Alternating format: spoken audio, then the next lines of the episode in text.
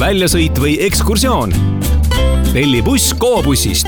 Go-buss pakub kaasaegseid ja keskkonnasäästlikke üheteist kuni viiekümne kohalisi busse, milles ka pikk sõit on mugav puhkus. sõidame nii Eesti-siseselt kui ka Euroopas, Skandinaavias, Balti riikides ja Venemaal. helista kohe ja telli buss kuus kolm üks null null üks üks või kirjuta tellimine at gobuss.ee Kuku Raadios välja öeldud seisukohad ei pea ühtima Kuku Raadio seisukohtadega.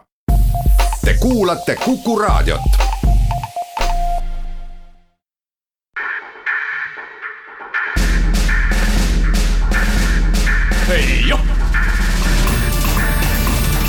kaitseminutid tere, head raadiokuulajad. esmaspäev on Kaitseminutite päev ja Kaitseväe uudistega on stuudios Kerli Tello. eelmisel nädalal kinnitas valitsusbrigaadikindral Martin Heremi nimetamise Kaitseväe juhataja ametikohale see on üks väheseid, kui mitte ainus valitsuse ettepanekuid, mida isegi opositsioonipoliitikud on kiitnud kaitseväe juhataja nimetab kaitseministri ettepanekul ametisse valitsus, võttes arvesse Riigikogu riigikaitsekomisjoni seisukohta. Ja Heremi nimetamise osas valitses absoluutne üksmeel. Ma ei ole kaitseväe sees kuulnud alates sahinatest, et brigaadikindral Heremist võiks saada järgmine kaitseväe juhataja, mitte ühtegi negatiivset kommentaari selles osas. ka kaitseväes sees hinnatakse Heremit väga kõrgelt Martin Herem sai brigaadikindraliks eelmise aasta veebruaris, kui president Kersti Kaljulaid teda praeguse kaitseväe juhataja kindral Riho Terras ettepanekul selleks tegi. brigaadikindral on maaväe kõrgemate ohvitseride esimene auaste, millest kõrgemad on vaid kindralmajor, kindralleitnant ja kindral brigaadikindral Herem alustas teenistust Eesti kaitseväes aastal tuhat üheksasada üheksakümmend kaks ja nagu ikka karjääri alguseks oli ta siis rühmaülem, kompaniiülem ja nii edasi. enne kui temast sai kaitseväe peastaabi ülem, oli ta kaitseväe ühendatud õppeasutuste juht. aga sinna vahele on jäänud ka näiteks Iraagi missioon Herem asub kaitseväge juhtima viiendal detsembril.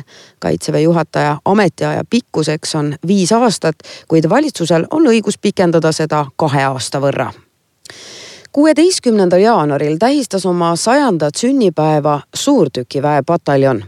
suurtükivägi on üks vanemaid relvaliike jalaväe ja ratsaväe järel.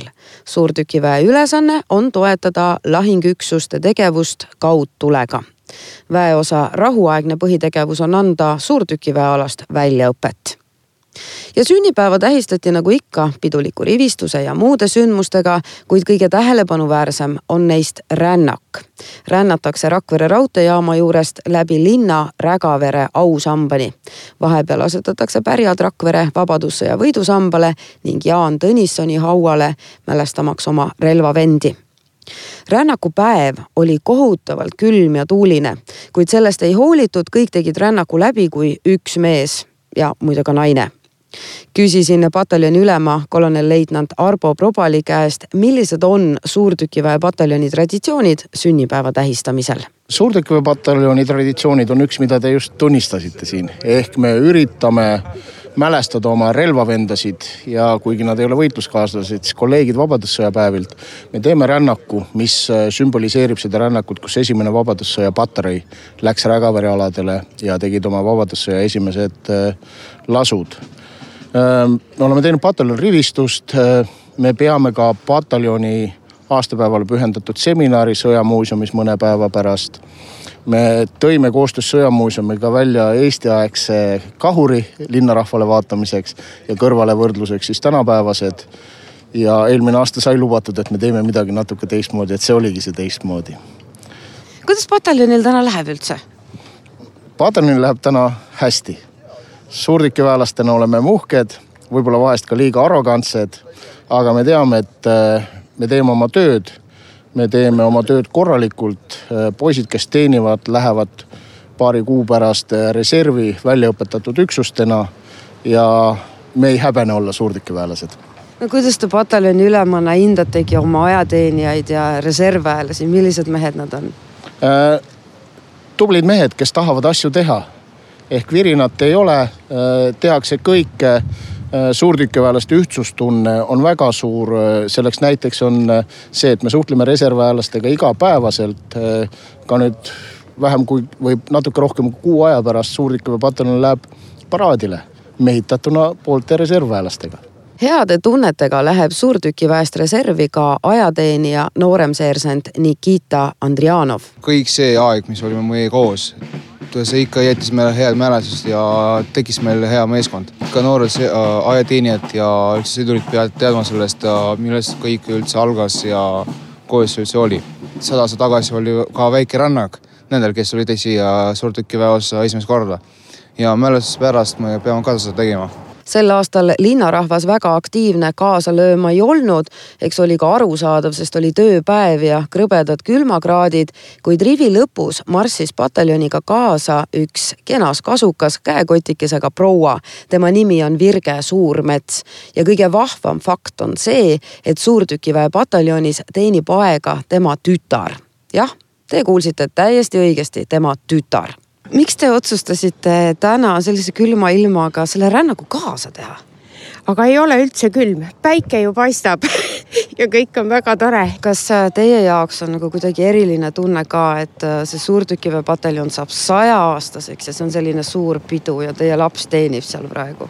no ikka, ikka täi, täiesti suur tegu ja olen väga uhke selle üle ja kõikide kaitseväelaste üle väga-väga uhke proua Virge lisas, et tema tütar igatses juba ammu ajateenistusse minna ning nüüd avanes selleks võimalus ja neiu sai ka tööandjaga kokkuleppele ning nii ta seal siis aega teenibki ja annab väga suure panuse Eesti riigi kaitsesse.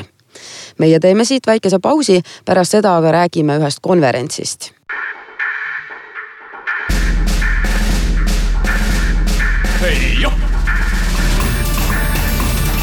Kaitseminutid tere tagasi. kaitseväe ühendatud õppeasutused korraldasid Tartus konverentsi, kus ligi kakssada inimest arutles õppuri ja tema arengu toetamise teemadel. mikrofoni ees on konverentsi peakorraldaja, dotsent Svetlana Kaanina täna on tegemist KVÜA kolmanda õppemetoodilise konverentsiga, mis kannab pealkirja Õppija arengu toetamine. mida see täpsemalt tähendab, mida siin teada saab, millest räägitakse mm? -hmm räägitakse kolmest aspektist äh, laias laastus. väga erinevatest õppijatest, millist arengu see õppija vajab ja kuidas on võimalik seda arengu toetada. ja õppija all me mõistame praegu ajateenijad, õppurid äh,, meie Sisekaitseakadeemia, Lennuakadeemia õppurid, kuidas neid toetada ja kuidas nemad omakorda pärast omas elus peavad toetama neid, keda nad peavad toetama ja tuleb juttu kindlasti õppemetoodikast, väärtustest, hinnangutest ja selle kujundamisest. no kes on need inimesed, kes siin äh, osalevad, just need, äh, kes oma ettekandeid teevad mm? -hmm ma pean kohe ütlema, et meie põhiline sihtrühm on ikkagi õppurid praegu, kadetid ja magistrandid. ja nemad teevad, kadetid teevad meil posterettekandeid ja magistrandid teevad suulised ettekanded. Nendele lisanduvad kindlasti meie õppejõudude ja üle kaitseväe tulid inimesed, kellel on midagi sinna sekka öelda ja nemad ka peavad ettekandeid. see ei ole, ma saan aru, esimene kord, jah? Äh, see on kolmas konverents, aga see on esimene kord, kui me nii palju kaasame õppureid, sest me teadvustasime enda jaoks, et me vahepeal tahame midagi teha, muuta, aga me teeme seda ilma selleta, et me oleme uurinud, millised vajadused noortel endil on et äh, just sellest lähtudest selle konverents erineb teistest, mis meil juba olid. Et siin ongi varasematest konverentsidest on siis see tagasiside tulnud ja te olete sellest õppinud ja, ja, ja te näete, et selliseid konverentse on ikkagi vaja ja neid on vaja ka muuta.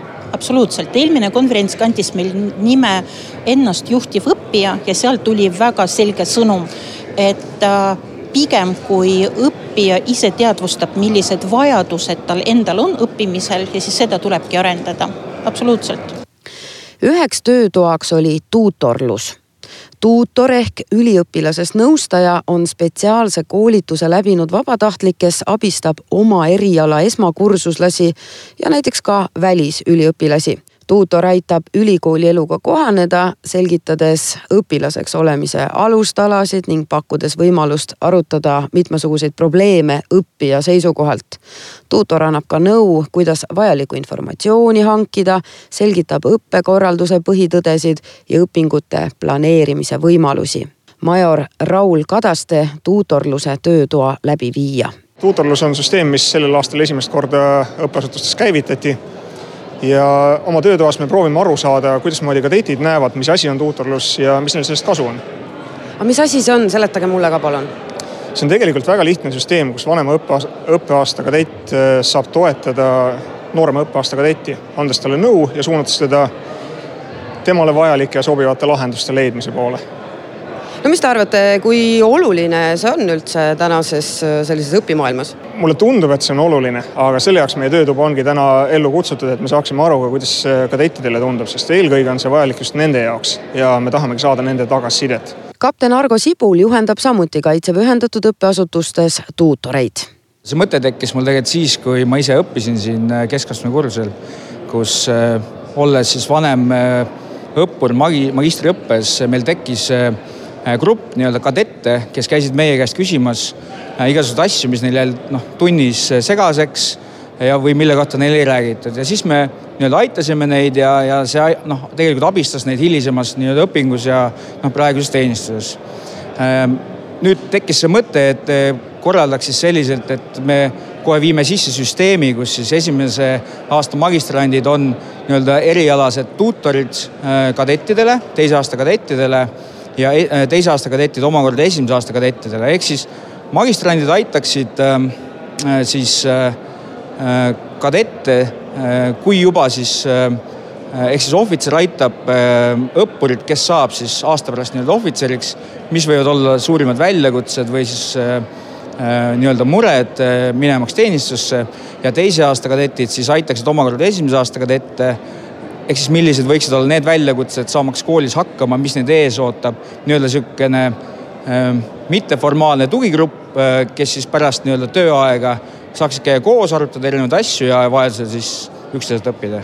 no mis selles töötoas siis täna konkreetselt toimub äh,? me teeme niisuguse äh, asja nimega maailmakohvik kus siis me jagame siis need tuutorid ja, ja siis nooremkursuse kadetid äh, töögruppideks ja laseme neil siis kirjutada äh, või siis tuua välja erinevad asjad, mis on siis praeguse programmiga neil jäänud õhku, mida nad tahaksid rohkem, mis on nende ootused oma nii-öelda nooremale kursusele või siis mis on nende noh, vajadused selleks, et me saaksime neid paremini toetada kogu selle programmi läbiviimiseks.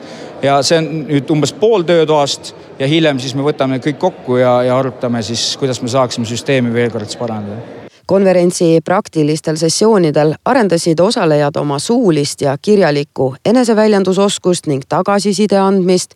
samuti võrreldi ja analüüsiti oma seniseid õppimis- ja õpetamiskogemusi sellel konverentsil ei olnud ainult Kaitseväe ühendatud õppeasutuste õppurid ja õpetajad, kokku osalesid viieteistkümne asutuse töötajad. näiteks partnerid Sisekaitseakadeemiast, Lennuakadeemiast, Mereväe koolist, Politsei- ja Piirivalveametist ning Riigikantseleist ja kes soovib ettekannetest ülevaadet, siis kogumik avaldatakse Kaitseväe ühendatud õppeasutuste kodulehel tänase saate lõpetuseks aga veel selline uudis, et Eesti Töötukassa nimetas Kaitseväe Lääne-Viru maakonna kahe tuhande seitsmeteistkümnenda aasta parimaks tööandjaks. Kaitsevägi ja Kaitseressursside Amet pälvisid aasta tööandja tiitli tänu NATO lahingugrupi saabumisele ja Kaitseväe Tapa linnaku arendamisele, mis tõi kaasa ka uute töökohtade loomise Lääne-Virumaal. sellised uudised Kaitseväest täna, kohtume nädala pärast